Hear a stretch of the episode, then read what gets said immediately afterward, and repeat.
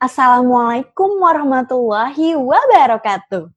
Hai semuanya, jumpa lagi dengan saya, Bidan Dia.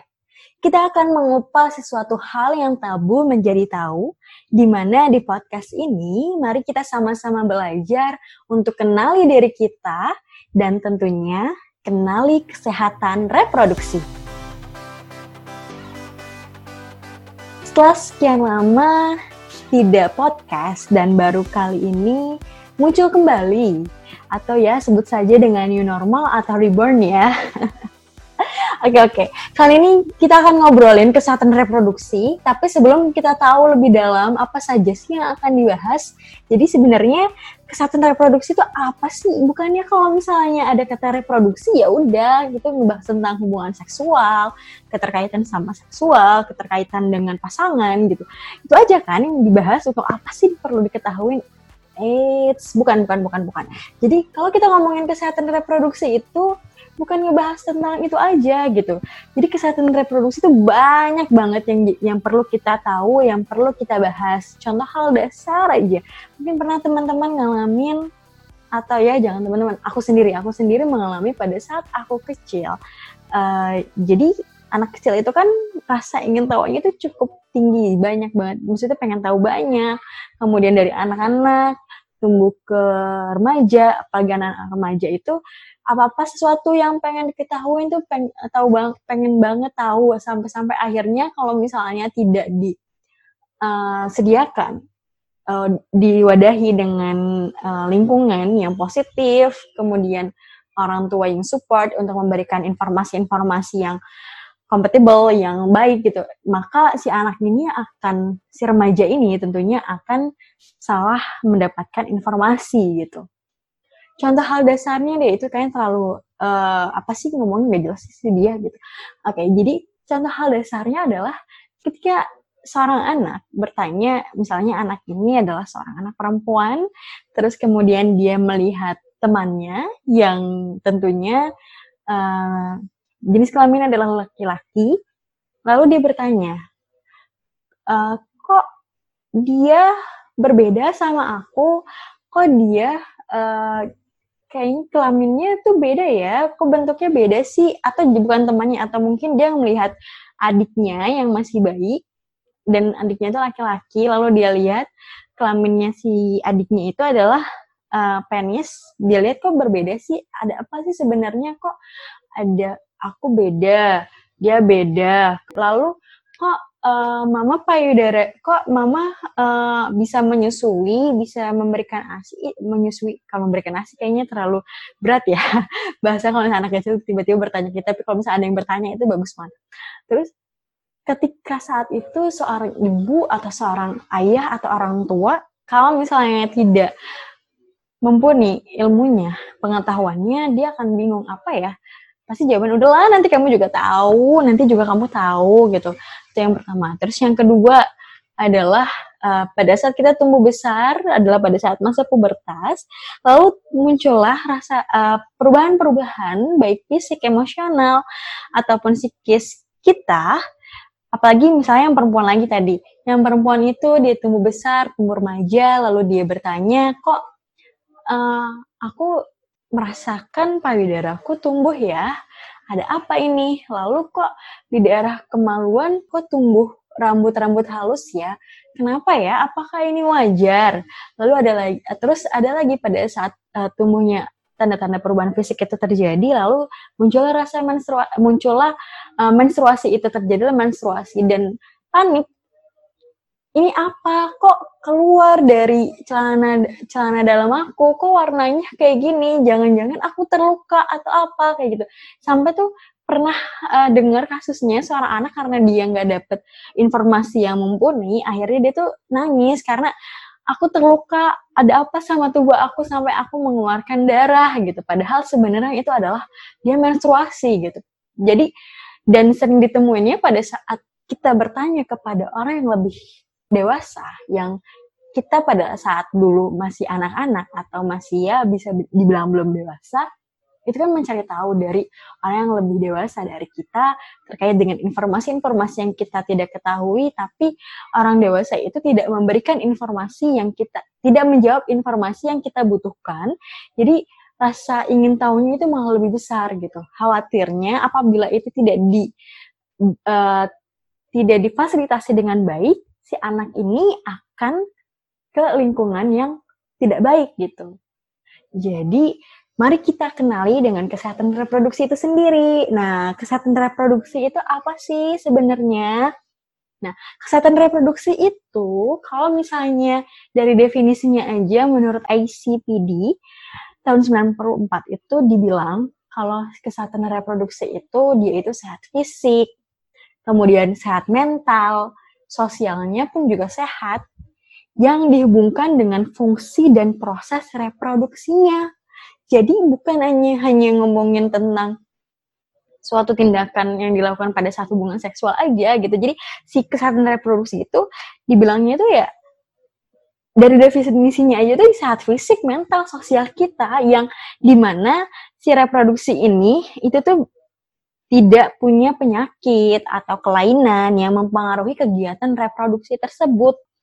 Nah, apalagi padahal sebenarnya kesehatan reproduksi itu sering kita alami sehari-hari yang tadi sudah dijelaskan. Lalu ada bahkan banyak kita temui bukan yang kita alami, misalnya kayak kenapa kok bisa hamil, kenapa kok hamil, kemudian kenapa kok ada penyakit-penyakit seperti HIV dan yang lain sebagainya yang termasuk itu dalam ruang lingkup si kesehatan reproduksi itu sendiri. Tadi kan disebutkan kalau misalnya kesehatan reproduksi itu adalah sehat fisik, mental, dan sosial, di mana keterkaitan dengan fungsi si reproduksi kita.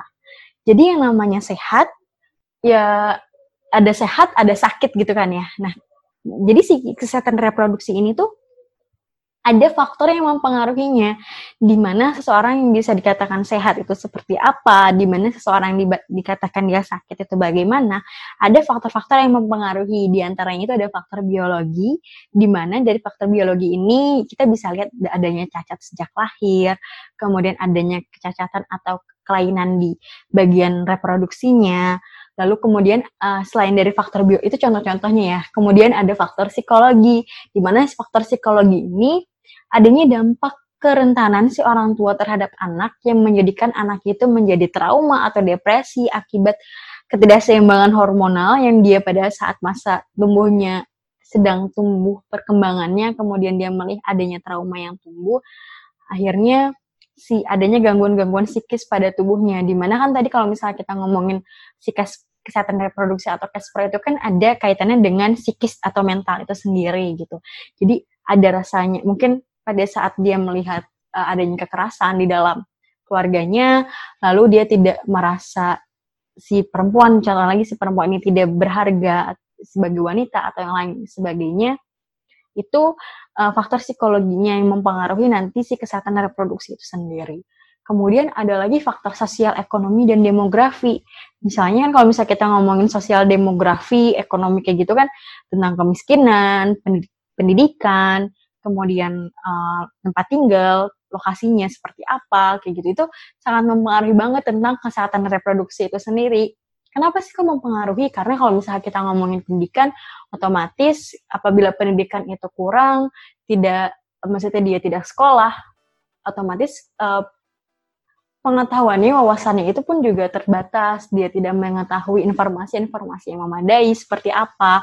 Lalu kalau misalnya terjadinya um, seseorang itu mengalami uh, kemiskinan, itu kan otomatis kalau kita ngomongin tentang ekonomi, uh, contoh halnya adalah uh, kalau misalnya yang banyak di luar sana itu selalu apa namanya ketersediaan air yang tidak memadai, airnya kotor segala macam ya apalagi pada saat kita sebagai perempuan mengalami menstruasi butuh banget untuk uh, air yang bersih. Bukan hanya menstruasi saja, tapi pada saat kita melakukan perawatan genitalia kita itu kan butuh dengan air yang bersih, butuh dengan tempat yang bersih juga gitu, bukan yang kotor. Justru kalau misalnya kotor nanti apalagi repro ngomongin reproduksi itu sangat sensitif. Sensitifnya apa? Maksudnya organ reproduksi kita apabila kita tidak merawatnya dengan baik, nanti akan timbulnya rasa uh, akan timbulnya infeksi atau penyakit-penyakit menular seksual lainnya.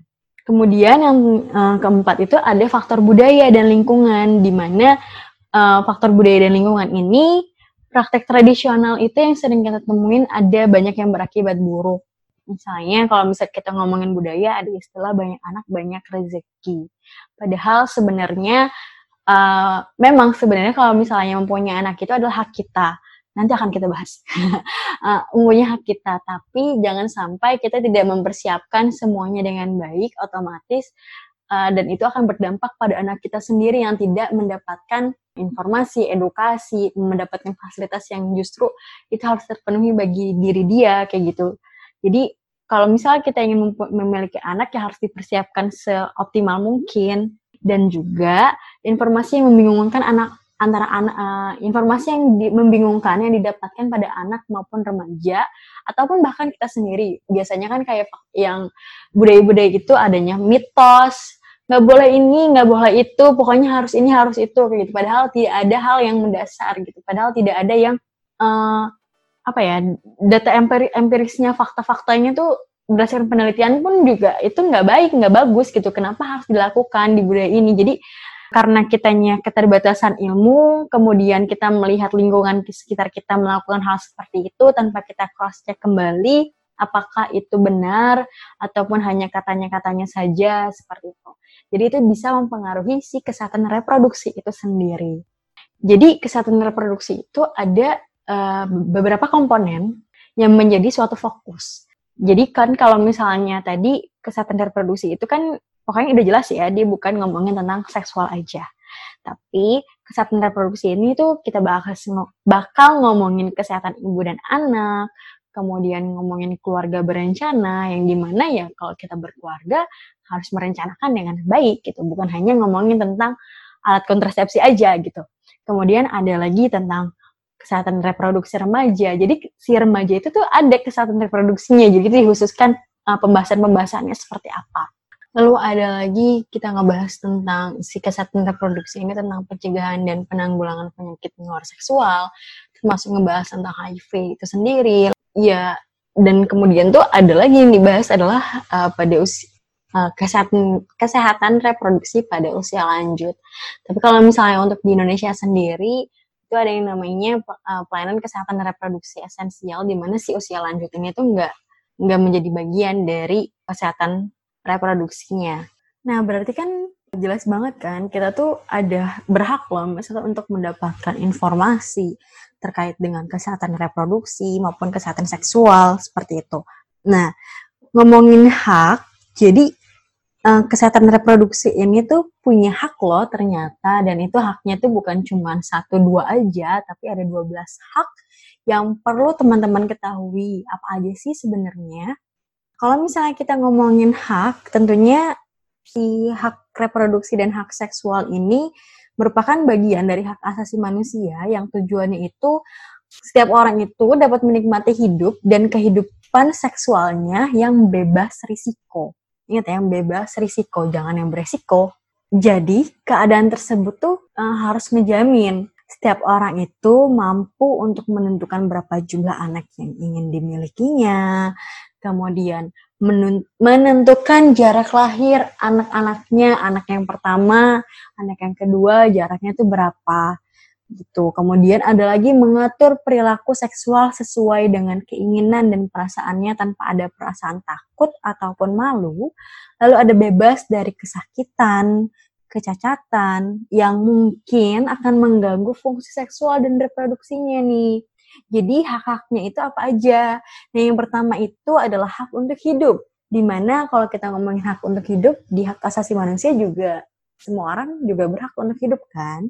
Nah, hak asasi ini tentunya berlaku untuk eh, laki-laki uh, maupun perempuan. Jadi bukan hanya untuk laki-laki aja.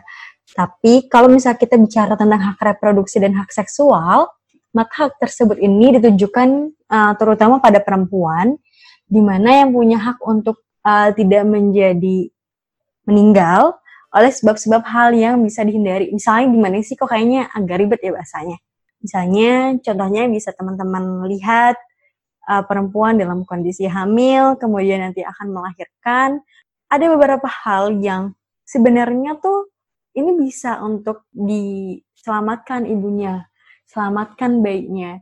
Jadi jangan sampai uh, kita ya udah karena kita nggak tahu informasinya seperti apa, karena kita tidak bisa mencegah sebelum itu terjadi, maksudnya sebelum kematian itu terjadi. Jadi kan ada beberapa hal kalau dalam kalau misalnya kita ngomongin tentang kehamilan, tentang persalinan itu ada beberapa hal faktor resiko, resiko tinggi yang harusnya kita tangani uh, kita tahu lebih awal, yang harusnya uh, yang seharusnya kita deteksi lebih dini gitu kan.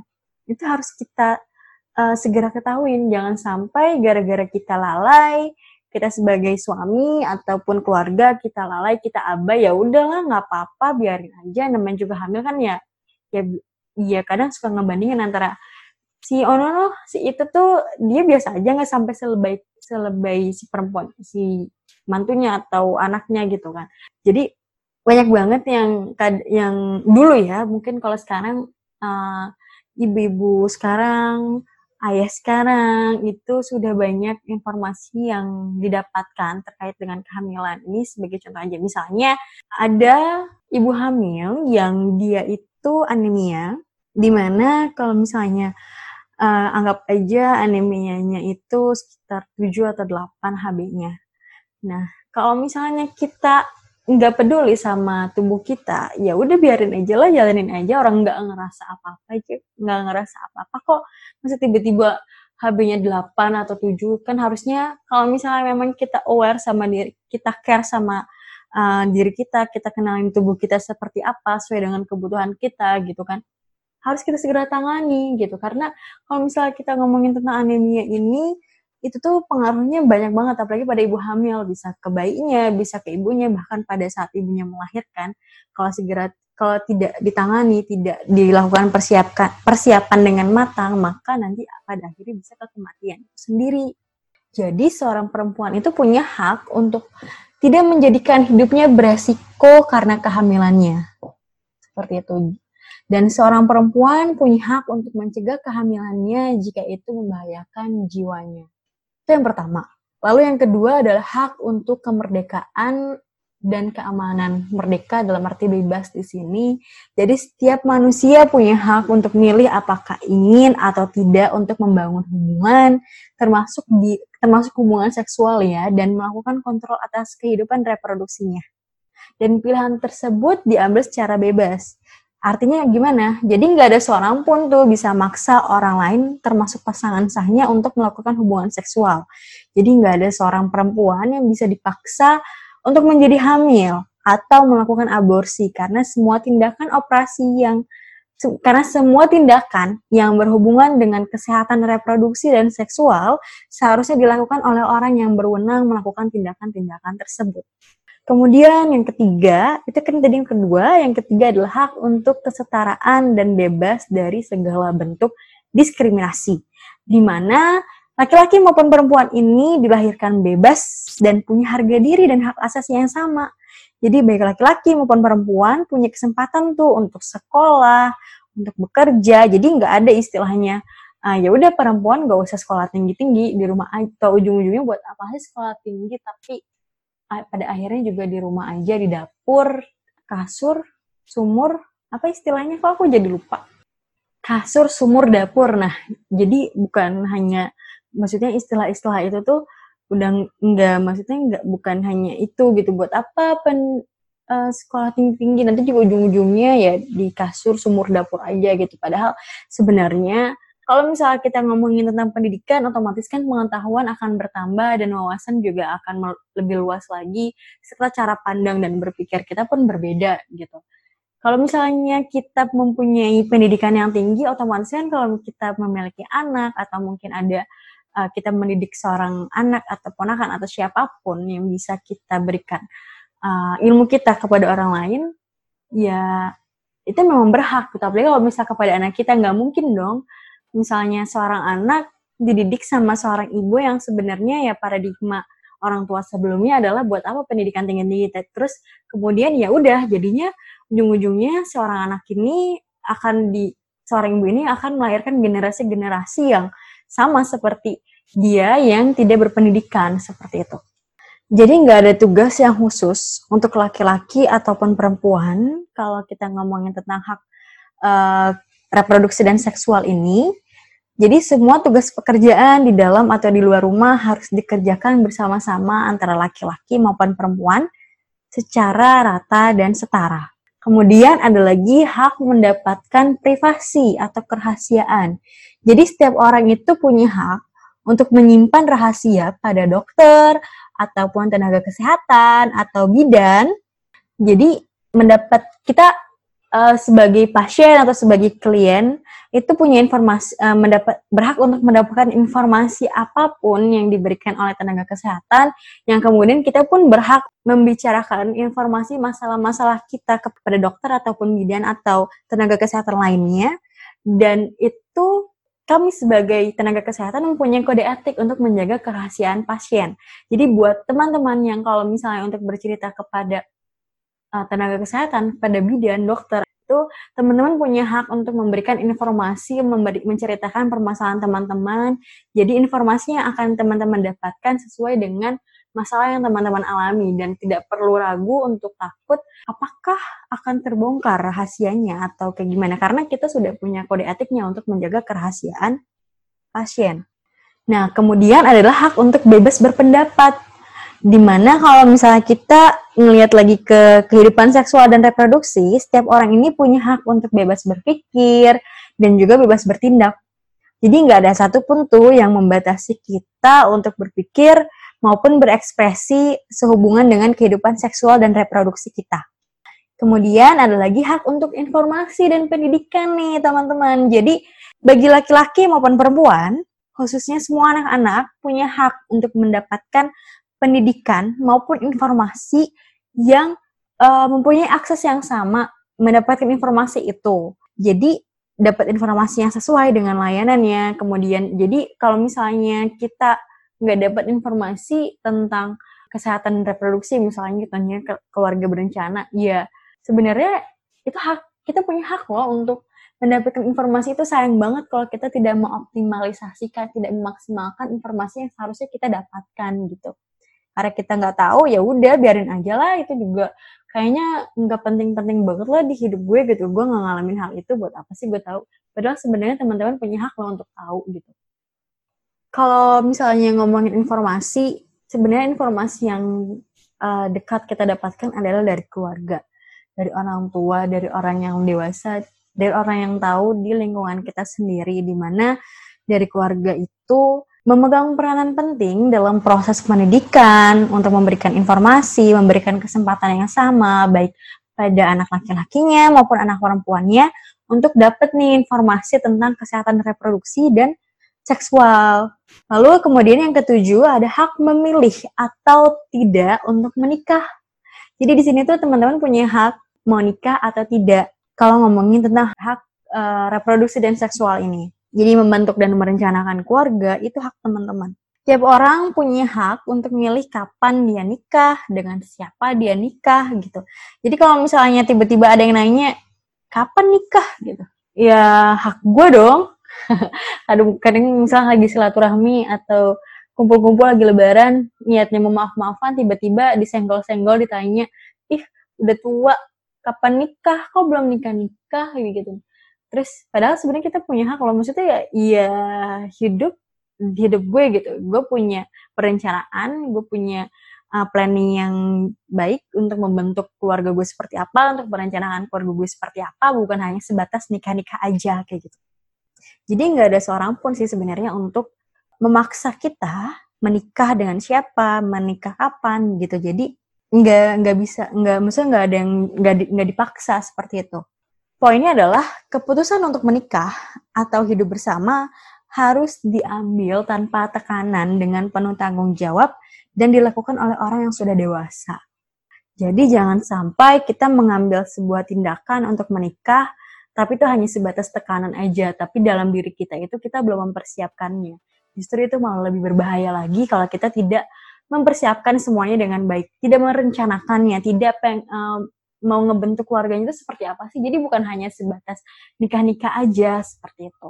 Lalu yang kedelapan adalah hak untuk menentukan. Jadi apakah ingin punya anak atau enggak. Jadi tadi kan permasalahan sama nikah. Lalu selanjutnya lagi teman-teman kira-kira mau punya anak atau enggak itu adalah hak teman-teman di mana Tiap orang itu punya hak untuk mendapatkan akses seluas-luasnya uh, terkait dengan metode keluarga berencana yang aman dan efektif. Jadi setiap orang punya hak untuk bebas menentukan jumlah anak yang ingin dimilikinya dan gimana mengatur kelahirannya. Jadi keputusan untuk menentukan jumlah anak harus bebas dari tekanan, sama kan kayak tadi menikah harus bebas dari tekanan dan dilakukan dengan penuh tanggung jawab. Artinya perlu dipikirkan kesempatan anak kita untuk mendapatkan kesejahteraan yang lebih baik. Yang kesembilan, adalah hak untuk mendapatkan layanan dan perlindungan kesehatan. Tiap orang itu berhak nikmatin hidupnya, kehidupan seksual yang bebas risiko. Bebas risiko itu maksudnya adalah yang tidak beresiko ya. Kemudian mempunyai hubungan antar manusia dengan kondisi yang diinginkannya. Jadi tiap orang itu punya hak mendapatkan kualitas tinggi-tingginya untuk mendapatkan perawatan kesehatan seksual maupun kesehatan reproduksinya. Lalu yang ke-10 adalah hak untuk mendapatkan manfaat dari kemajuan ilmu pengetahuan, di mana tiap orang ini punya hak uh, untuk mendapatkan informasi, tadi informasi udah punya haknya. Lalu perkembangan-perkembangan yang terjadi pada ilmu pengetahuan itu perlu banget teman-teman untuk uh, ada haknya gitu yang diatur. Jadi misalnya kalau misalnya kita ngomongin kesehatan, kesehatan itu kan maksudnya bukan ilmu yang ilmu yang tidak berkembang gitu. Jadi semakin lama juga ada penemuan-penemuan baru, dia akan berkembang, berkembang, berkembang seperti itu. Jadi tiap orang itu bisa mendapatkan akses terhadap misalnya metode KB alat kontrasepsi yang modern gitu. Kemudian aman dan dapat diterima, lalu informasi yang lengkap untuk yang tadi metode-metode keluarga berencana tersebut. Dan tentunya kemajuan ilmu pengetahuan ini uh, semestinya ya tidak menyinggung kehormatan seseorang Lalu yang ke-11 adalah hak untuk bebas berkumpul dan berpartisipasi secara politik. Jadi tiap orang punya hak nih berkumpul dengan orang lain dan meminta serta menyuarakan hak-hak atas kesehatan seksual dan kesehatan reproduksinya. Lalu yang ke-12 adalah hak bebas dari siksaan dan perlakuan yang buruk atau perlakuan yang salah. Di mana tiap orang punya hak loh untuk bebas dari segala bentuk kekerasan, jadi tiap orang itu punya hak untuk tidak mendapat kekerasan baik fisik, herbal, oleh pasangan seksualnya ataupun orang lain. Jadi itu sebenarnya udah diatur gitu. Dan uh, kita pun punya hak untuk tidak dipaksa dalam melakukan hubungan seksual yang tadi sudah disinggung-singgung tadi sebelumnya. Jadi dalam hubungan antar pasangan, maka uh, kesetaraan, kebebasan, dan saling respect itu antar pasangan itu harus ada. Jadi poinnya adalah hanya dengan saling menghargai, hak-hak seksual dan reproduksi, maka derajat kesehatan seksual dan reproduksi teman-teman itu akan dicapai dengan baik oleh semua orang. Jadi mulai dari sekarang yuk uh, kita udah tahu nih kesehatan reproduksi itu apa. Jadi dari mulai sekarang mari kita kenali diri kita, mari kita kenali organ reproduksi kita fungsinya seperti apa dan mari kita kenali pasangan kita bagaimana kita bisa menghargai orang, dan tentunya keterkaitan dengan reproduksi itu sendiri. Jadi jangan ada istilah tabu-tabu lagi ya teman-teman. Kita kulik-kulik yuk. Apa aja sih yang perlu yang dibahas di kesehatan reproduksi ini? Yuk tungguin podcast selanjutnya. Terima kasih.